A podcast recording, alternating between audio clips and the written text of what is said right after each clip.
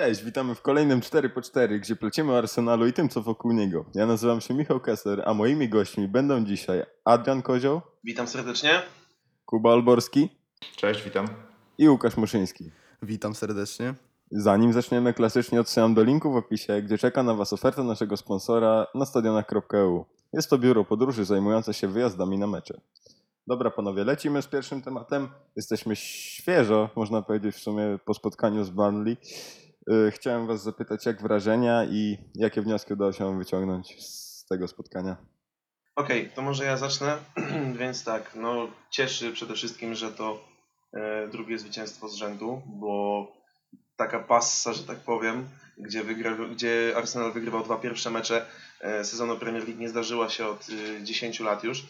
E, także to na pewno cieszy. E, styl troszeczkę mniej, chociaż było lepiej niż, niż w meczu z Newcastle. Nie było takiej obrony Częstochowy w, w końcówce, jak w meczu z podopiecznymi e, Steve'a Clarka.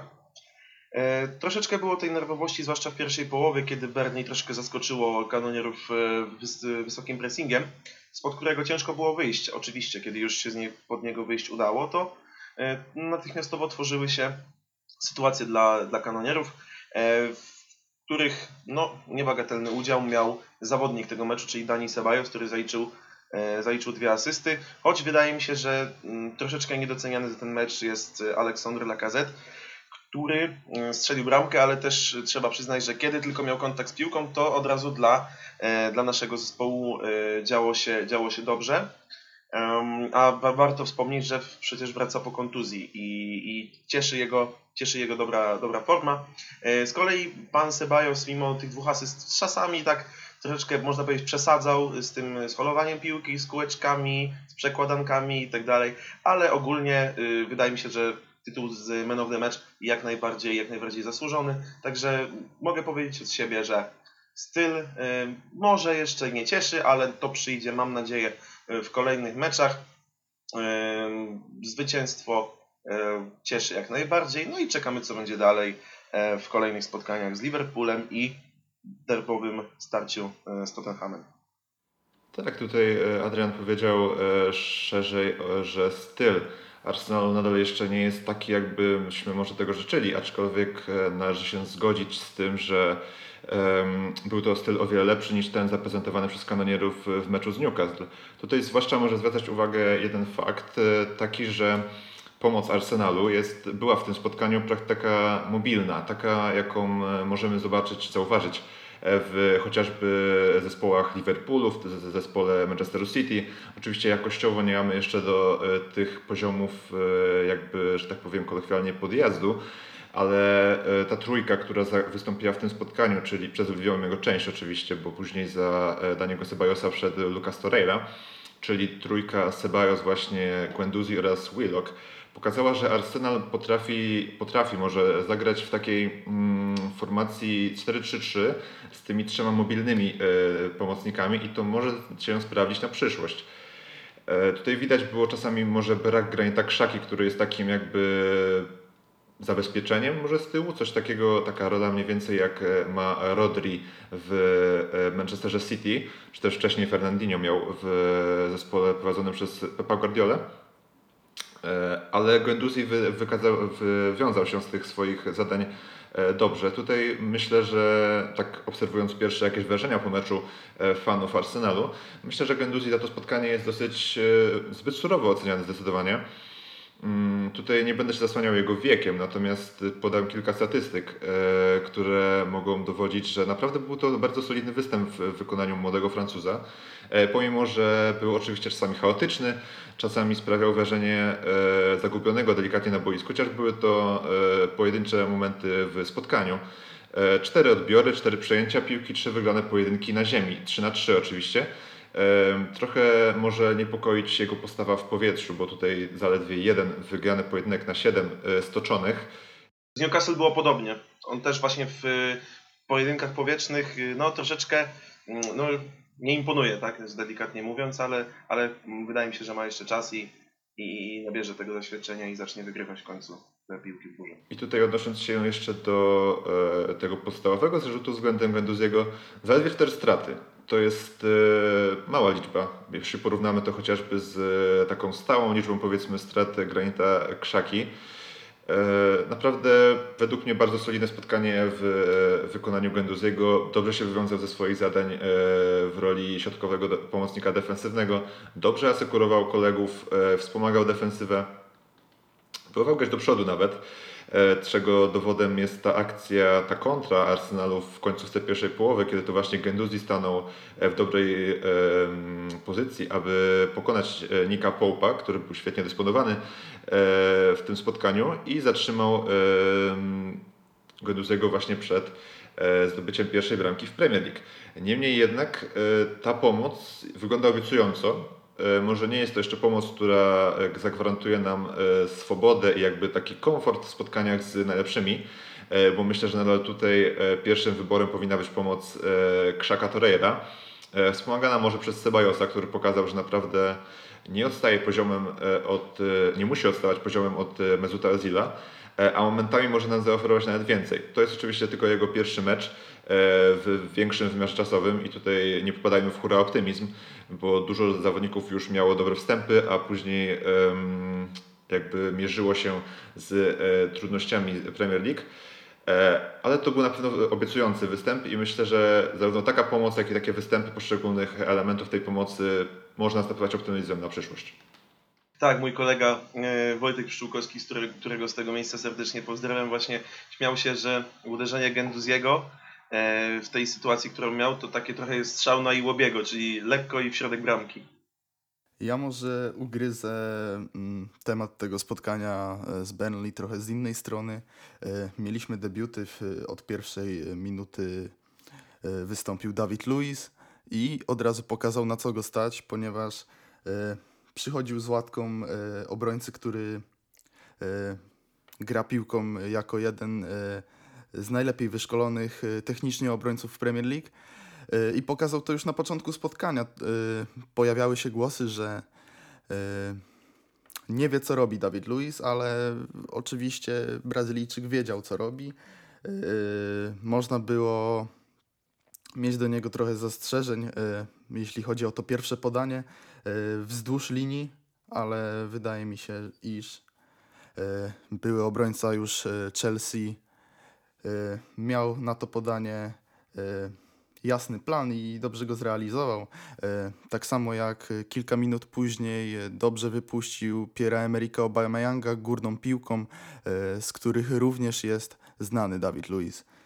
E, W drugiej połowie e, całe 45 minut zagrał Nicola Pepe i wciąż e, możemy mieć wrażenie, iż e, nie jest do końca gotowy Nicola Pepe, chociaż na Anfield myślę, że powinien wyjść w pierwszym składzie Iworyjczyk, ponieważ e, no, jest to zawodnik wielkich spotkań, co pokazywał we Francji i jego błyskotliwość powinna nam pomóc.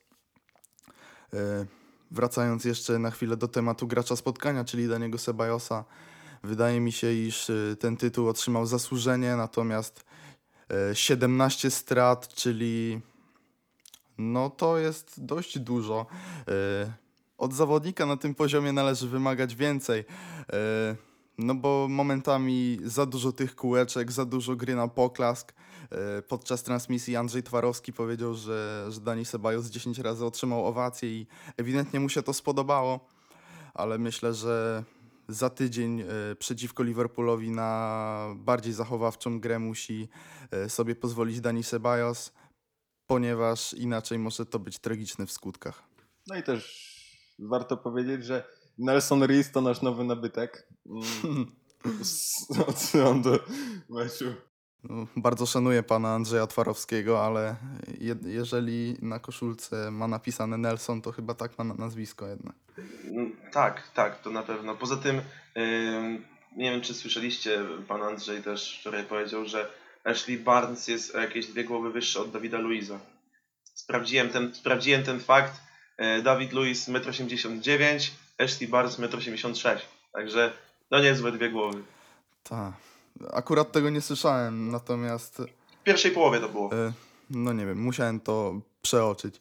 Jednak no, poziom dziennikarstwa sportowego w Polsce e, pozostawia wiele do życzenia i akurat y, tutaj nie mam nic do pana Andrzeja Twarowskiego, ponieważ jest jednym z najlepszych, ale na przykład tydzień temu w spotkaniu z Newcastle kilka razy Przemek Rudzki, pan Przemysław Rudzki nazwał Joey Locka Wilcockiem, za co też zganiłem go na Twitterze. Mam nadzieję, że to zobaczył. Kanal Plus nadchodzimy. Okej. Lecimy dalej. Zostajemy w tym obrębie spotkań Arsenalu w Premier League. Chcę Was zapytać o nadchodzące dwa bardzo ważne dla nas spotkania z Tottenhamem i Liverpoolem. Może jakieś przewidywania też odnośnie wyniku, czy Powiem tak. em, ciężko tutaj cokolwiek przewidywać. Oczywiście, delikatnie rzecz ujmując, faworytem nie jesteśmy. To się chyba wszyscy zgadzamy. E, ale no cóż, no, pozostaje liczyć, że ta, co by nie mówić, na początku tego sezonu eksperymentalnie zestawiona linia defensywy, no bo jest nowy Dawid Luiz, który na pewno jeszcze nie zdążył się, nie zdążył się że tak powiem, wpasować e, dopasować, dostosować do, do taktyki Unai Emery'ego. E, Ainsley Maitland-Niles, który nie jest w ogóle nominalnym prawym obrońcą, jest tylko zastępstwem dla, dla Hectora Beirina. Jeżeli gdzieś grał wcześniej to na wahadle, a ogólnie jest skrzydłowym, e, chociaż tam pamiętam, że Arsene Wenger próbował go nawet na środku pomocy, ale on próbował wszystkich wszędzie, także to chyba e, do tego przywykliśmy. E, Jeśli miałbym przewidywać, to Niestety przegramy ten mecz, ale nie tak wyraźnie jak to miało miejsce na wiosnę, gdzie, gdzie dostaliśmy 5 do 1. Um, tutaj myślę tak 1-2 może, w sensie 2-1 dla Liverpoolu. Bo ciężko mi sobie wyobrazić scenariusz, w którym e, Arsenal odnosi zwycięstwo na Anfield z tak dysponowanym e, Liverpoolem. No właśnie, tutaj tak dysponowany Liverpool. E, moim zdaniem jest to przeciętna forma. Wczoraj oglądałem mecz z Southampton i delikatnie mówiąc Liverpool nie porwał. Wygrał tak naprawdę dzięki dwóm błyskom swoich zawodników, głównie Sadio Mane. No i lekkim gapiostwie e, Janka Bednarka, ale to, e, to mniejsza z tym na tą chwilę. Natomiast e, Liverpool nie ma z tyłu tego zabezpieczenia w postaci Alisona. Nie mówię, że to jest wielka, jest to oczywiście wielka strata dla Liverpoolu, ale może to nie być wielka różnica dla Arsenalu w spotkaniu z drużyną z Anfield. Mm, I myślę, że jeśli kiedyś mielibyśmy pokonać Liverpool, to właśnie to jest ten moment, bo Liverpool nie jest w dobrej formie, nie ma Alisona e, i jego tej braki tej drużyny możemy jak najbardziej wykorzystać, bo mamy do tego predyspozycje, mamy do tego zawodników i tutaj e, być głównym takim e, zadaniem kanonierów powinno być właśnie to, aby te braki umieć wykorzystać przy jednoczesnym e, niedaniu, nieosłonięciu się w obronie żeby nie było powtórki ewentualnie z e, meczu przed, e, z poprzedniego sezonu na Enfield, gdzie dostaliśmy 1-5. Tutaj nie przewiduję takiego wyniku. Obstawiam raczej właśnie tak, że jak Adrian, e, coś w post- 2-1, może, może 3-1 dla Liverpoolu, chociaż remis na Enfield byłby dla mnie e, bardzo dobrym wynikiem, wręcz e, takim, który przyjąłbym w ciemno przed spotkaniem. E, O wygranej możemy mówić, ale myślę, że nie jest to dosyć prawdopodobny scenariusz. No i tutaj e, pojawia się kwestia, jak zestawi to wszystko Unai Emery. Przypomnijmy, że nie mamy Kirana Tierney'a nadal, nie będzie go do października. Mamy na lewej obronie Nacho Monreal, a także Srada Kolaśnaca. I tak, Monreal, e, co by o nim nie mówić, o jego formie, nie jest to zawodnik, który moim zdaniem wydolnościowo i jakby e, także jakościowo, chociaż niczego nie odmawiam Nacho, e, da radę mm, Mohamedowi Salahowi e, w, przekro- w przekroju całego spotkania. I nie wiem, czy tutaj nie byłby dobrym pomysłem e, wyjście trójką w obronie z podwójnym zabezpieczeniem tych boków, e, gdzie hasa sobie Sadio Mane z, e, z Mohamedem Salahem właśnie. To oczywiście można skosztować trochę e, mniejszą kontrolę nad spotkaniem, jednak nie ukrywajmy, że to prawdopodobnie Liverpool będzie zespołem grającym. Więc ja bym zestawił to tak, że na wahadle wyszedłby Kolasinac, a w środku obrony wyszedłby właśnie Chambers e, z Luizem oraz Sokratisem. E, Bo ewentualnie taki, e, taki zespół mógłby przeciwstawić się udanie Liverpoolowi. Mm, No albo ewentualnie taka formacja, jaką wyszliśmy z Chelsea w tamtym sezonie w wygranym 2-0 spotkaniu na Emirates. gdzie właśnie w Emery wyszedł w, takim cleanem w pomocy 4-3-1-2 mm, e, Guendouzi Krzaka Torreira. I tutaj przed nimi mógłby grać Ceballos, a na ataku mógłby grać e, właśnie Aubameyang z Lacazette'em. E, i Pepe ewentualnie wszedłby po połowie czy też w 60 minucie. Na delikatnie zmęczony Liverpool. Może wykorzystałby swoją szybkość, swoją zwinność, swoją błyskotliwość i jakoś by ukończył ten Liverpool, który jest w tym sezonie, mm, w który wydaje się być bardziej podatnym na zranienia, że tak powiem, em, w defensywie w tym sezonie. I tu upatrywałbym szansę Arsenalu. Ewentualnie cofnąć się właśnie i pozwolić Liverpoolowi grać, bo ta formacja, tak jak wczoraj powiedzieli panowie na transmisji, ma szansę działać, e, kiedy gramy z lepszymi jakościowo zespołami niż Burnley, co było wczoraj widać. E, I któryś z tych, z tych dwóch opcji bym wybrał i możliwe, że będziemy w stanie nawiązać e, Liverpoolem walkę, ale nie oczekuję od tego spotkania wiele. Moim zdaniem y, mecz z Burnley pokazał, że Arsenal y, jest jeszcze daleko od swojej optymalnej dyspozycji, natomiast o Arsenalu już powiedzieliśmy wystarczająco. Liverpool zdecydowanie jest do ugryzienia w tym sezonie, co pokazało Norwich w pierwszej kolejce, ponieważ wynik był lepszy niż gra. To umówmy się, nie był mecz na 4 do 1 dla Liverpoolu. Norwich mogło strzelić zdecydowanie więcej. Y, Było kilka słupków, poprzeczek i tak dalej. Potem przyszedł Super Puchar Europy z Chelsea, gdzie Liverpool dał sobie strzelić dwie bramki. Oczywiście był kontrowersyjny karny na, na Tamim Abrahamie, który wykorzystał Jorginho. Natomiast y, Christian Pulisic zrobił niezły wiatr, co y, bardzo mnie zadziwiło, ponieważ y, nie cenię sobie umiejętności pił- tego piłkarza, mówiąc delikatnie. No i wczoraj mieliśmy spotkanie z Southampton, gdzie wyszedł taki jeden obszar, który można obrać sobie za cel, mianowicie jest to Adrian. Y, Ponieważ dopóki Adrian nie ma piłki przy nodze, to jest naprawdę świetnym bramkarzem. Ale musimy być agresywni z przodu. y, Musi Aubameyang i Lacazette y, być w pełni sił, jeśli chodzi o aspekt kondycyjny, żeby móc naciskać Hiszpana, co, co może poskutkować. Odnosząc się do, do kwestii formacji, wydaje mi się, że, że ta formacja 4-3-1-2 dobrze działa z wielkimi zespołami, ale jedynie u siebie. Y, Bardziej bym się jednak y, przychylił do tego wariantu z trójką z tyłu. Y, Biorąc sobie do serca to, co, co Kuba powiedziałeś o, o Monrealu, bo też nie jestem absolutnie pewny jego formy. Czy mamy jakieś szanse z Liverpoolem? Fajnie byłoby tak myśleć. Bardziej tutaj bym się skłaniał ku minimalnej porażce typu 2-1-3-1, tak, już, tak jak już wspominaliście. Y, Ale wiadomo, że, że Unai Emery potrafi ulepić coś z niczego i, i lepiej nie przewidywać, bo możemy się albo zawieść, albo e, zaskoczyć pozytywnie. Nie wiem, jak u Adriana z kondycją, może na koniec się do tego ustosunkujesz. Lecimy dalej. Edin Ketia, wypożyczony do Leeds, strzela dosyć ładnie. Chciałbym was zapytać, jakie profity waszym zdaniem możemy wyciągnąć my jako Arsenal i jakie sam Eddie może wyciągnąć też, bo no, dla niego przede wszystkim to powinno być najważniejsze. Tak, jeśli chodzi o samego Ediego, mm, to jest bardzo utalentowany zawodnik. Szczerze mówiąc, byłem lekko zdziwiony, że idzie do Championship, a nie do Premier League, bo mu na przykład w takim Sheffield United myślę, że mógłby spokojnie grać. No ale skoro zdecydował, żeby iść tam, to też wiedział, co robi. Dlaczego? Trenerem Leeds jest Marcelo Bielsa. To jest facet, który rozwinął niejednego piłkarza, y, z niejednym zespołem y, osiągał sukcesy.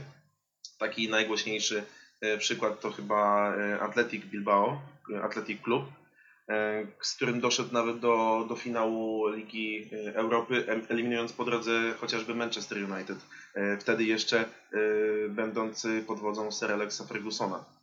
E, Także ten, ten człowiek na pewno może mieć e, super wpływ na, na, młodego, na młodego Ediego e, i myślę, że nasz młody napastnik sporo przy nim e, zyska i nie chciałbym się nie chciałbym się w tej kwestii mylić. A jeżeli on zyska i rozwinie się, to wtedy Arsenal zyska mm, jako klub, jako zespół e, po jego powrocie z wypożyczenia. Tutaj, e, Michał, mówiłeś trochę o tym, że strzela. No strzela e, to może tak na wyrost, bo strzelił póki co jedną bramkę. We wczorajszym spotkaniu z Wigan wygranym przez Leeds 2-0 e, siedział cały mecz na ławce. Tu bym upatrywał takiego głównego problemu e, dla Ediego właśnie, bo wydaje się, że Marcelo Bielsa preferuje grę formacją 4-5-1, e, która jest dosyć stała u niego, która daje efekty i która obecnie dała e, Leeds prowadzenie w Championship e, z 7 punktami na koncie po trzech spotkaniach. E, I także ten problemem głównym może być pozycja Patryka Bamforda e, w zespole e, prowadzonym przez właśnie Marcelo Bielsę, przez co właśnie Eddie moim zdaniem może nie dostawać tylu minut, ile byśmy się spodziewali, że dostanie. Tutaj z, nie był to zły wybór na pewno Ediego. Chodzi mi oczywiście o klub, do którego skierował się na wypożyczenie. Jednak moim zdaniem mógł e, jakby mm, wybrać nawet nieco gorszy klub z nieco mniejszymi aspiracjami, ale taki, gdzie miałby podstawowe miejsce jakby z marszu, gdzie ta rywalizacja na, na pozycji napastnika nie jest zbyt duża i ta pozycja nie jest z góry e, obsadzona e, jakimś zawodnikiem. Jak to ma na przykład miejsce w Swansea, gdzie odszedł, do Sheffield za rekordową kwotę w historii The Blades, Beniaminka e, Premier League, e, tam bodajże 20 milionów funtów, e, Oliver McBurney. I tam właśnie upatrywałbym szansę e, Ediego Nketiaha właśnie w Swansea. E, albo ewentualnie w Bristol City, gdzie odszedł do Brighton e, Maupai e, za też około mm, 18 milionów funtów. E, Moim zdaniem to byłyby potencjalnie lepsze kluby dla Ediego. E, Tutaj może wyjść tak, że będzie jedynie zmiennikiem Bamforda, co nadal nie jest złe, bo oczywiście będzie pod e, pieczą e, Marcelo Bielsy, ale może nie dostawać tylu minut, ile byśmy chcieli, żeby dostawał. Jednak jest oczywiście szansa, że Marcelo Bielsa zmieni swoje podejście do formacji. To nie jest drugi Marcelo, Mauricio, przepraszam, Sari, że nie zmienia absolutnie formacji i nic w swoim składzie. Jakkolwiek oczywiście nie szanowałbym włoskiego menedżera. Mm, Dlatego myślę, że Eddie musi się wspiąć na swoje wyżyny, żeby wywalczyć miejsce w składzie. E, A jeśli tego nie zrobi, to może się okazać tak, że to wypożyczenie to będzie kolejny rok, e, który, nie kolejny może, ale rok, który nie rozwinie go tak, jak mógłby się rozwinąć w Championship, e, na co mieliśmy już dowody, chociażby w Premier League w postaci Mounta. Moim zdaniem e, Eddie Nketiah wybrał e, dobry klub, jeżeli chodzi o, o Leeds United, e, ponieważ Patrick Bamford to jest dobry napastnik oczywiście, ale jedynie na poziom Championship. W momencie, kiedy przychodził do Premier League jako zawodnik Middlesbrough, e, nie pokazywał praktycznie nic. Nawet nie jestem w stanie sobie przypomnieć jakiejkolwiek bramki strzelonej przez Patricka Bamforda. I myślę, że sam Edin Ketiach też dostał takie informacje, że ten napastnik ma tendencję do wahania formy i może zająć jego miejsce nawet na stałe. Na, na razie strzelił bramkę tylko w pucharze ligi z Salford City. E, W meczu ligowym z Wigan Athletic przesiedział cały mecz na ławce, ale to nie musi jeszcze nic oznaczać. E, Edin Ketiach ma te atuty, których nie posiada Patrick Bamford, czyli ustawianie się w polu karnym, co chyba podejrzał od Piera Emerika Aubameyanga na treningach, ponieważ e, jak na swój wiek i na poziom, na którym gra, to jest to naprawdę niesamowite. Jeszcze tak odniosę się do Patryka Bamforda, bo miałem okazję czytać opinie, znaczy takie jakby psztyczki może do Patryka Bamforda, kibiców Leeds właśnie, którzy mówią, że nieraz kosztuje ich punkty ten zawodnik, więc tu upatrywałby też szansę dla Ediego, który mógłby wskoczyć w jego miejsce i może narzekania kibiców Leeds by się skończyły, bo w tamtym roku miał być awans, a wyszło jak wyszło. Okej, ostatni temat. Myślę, że dosyć istotny dla nas, bo opierający się na opasce kapitańskiej. Czy popieracie schemat z pięcioma kapitanami i wybór jako tego głównego granita czaki?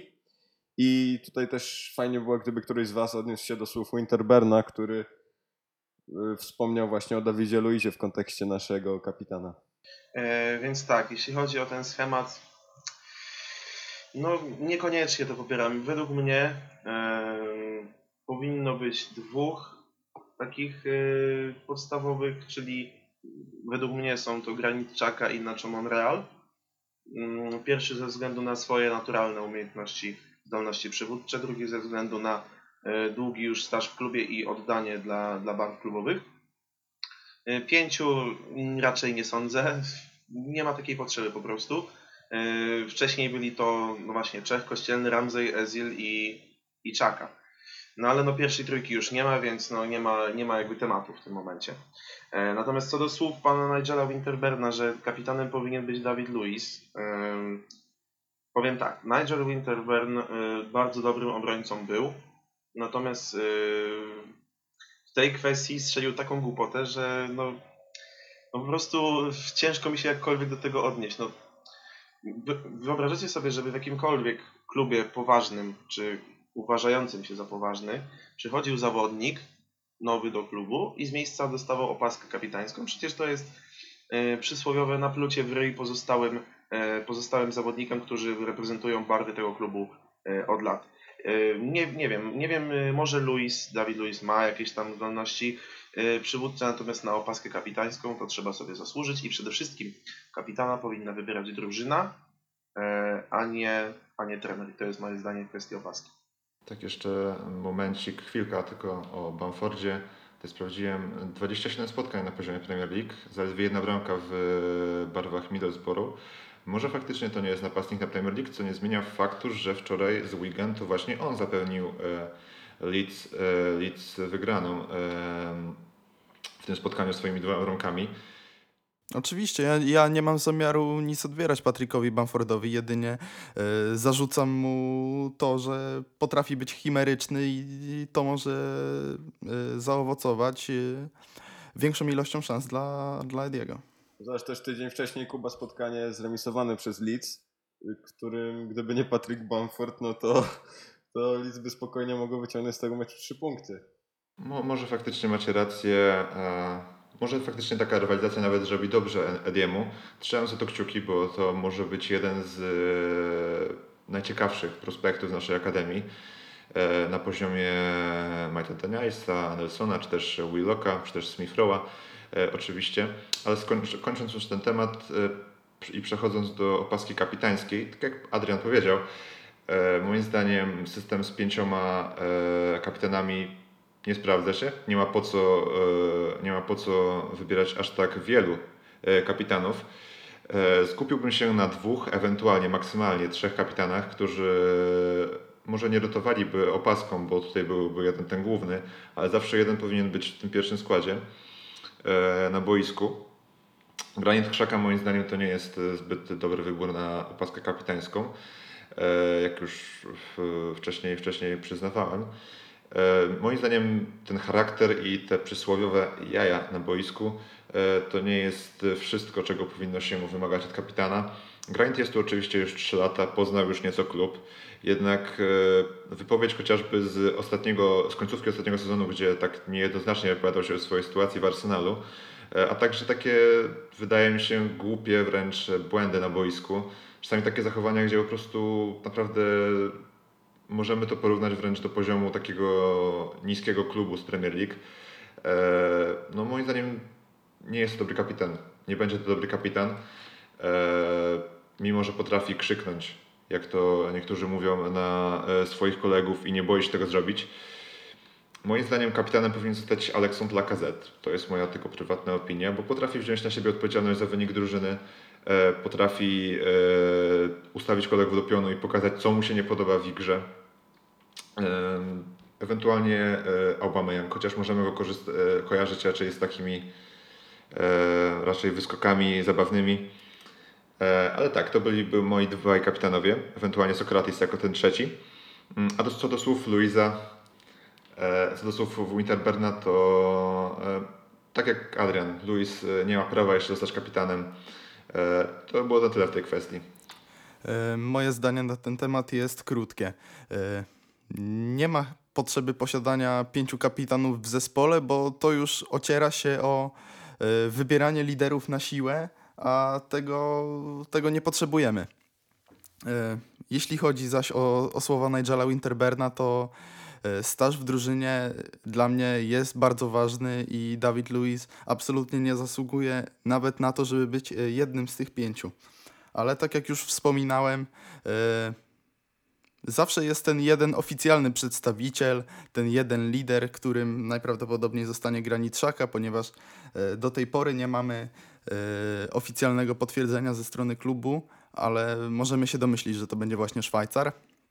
No i wicekapitanem pewnie zostanie e, Nacho Monreal, Mesut Ezil, czy ktoś, kto również ma jakiś dłuższy staż w klubie. No ale przede wszystkim zdolności przywódcze trzeba pokazywać na boisku. Super. Dzięki chłopaki za dzisiaj. Moimi gośćmi byli Adrian Kozioł, Dziękuję bardzo. Kuba Olborski Dzięki, do usłyszenia. i Łukasz Muszyński. Dziękuję. Dzięki, do usłyszenia za tydzień. Cześć.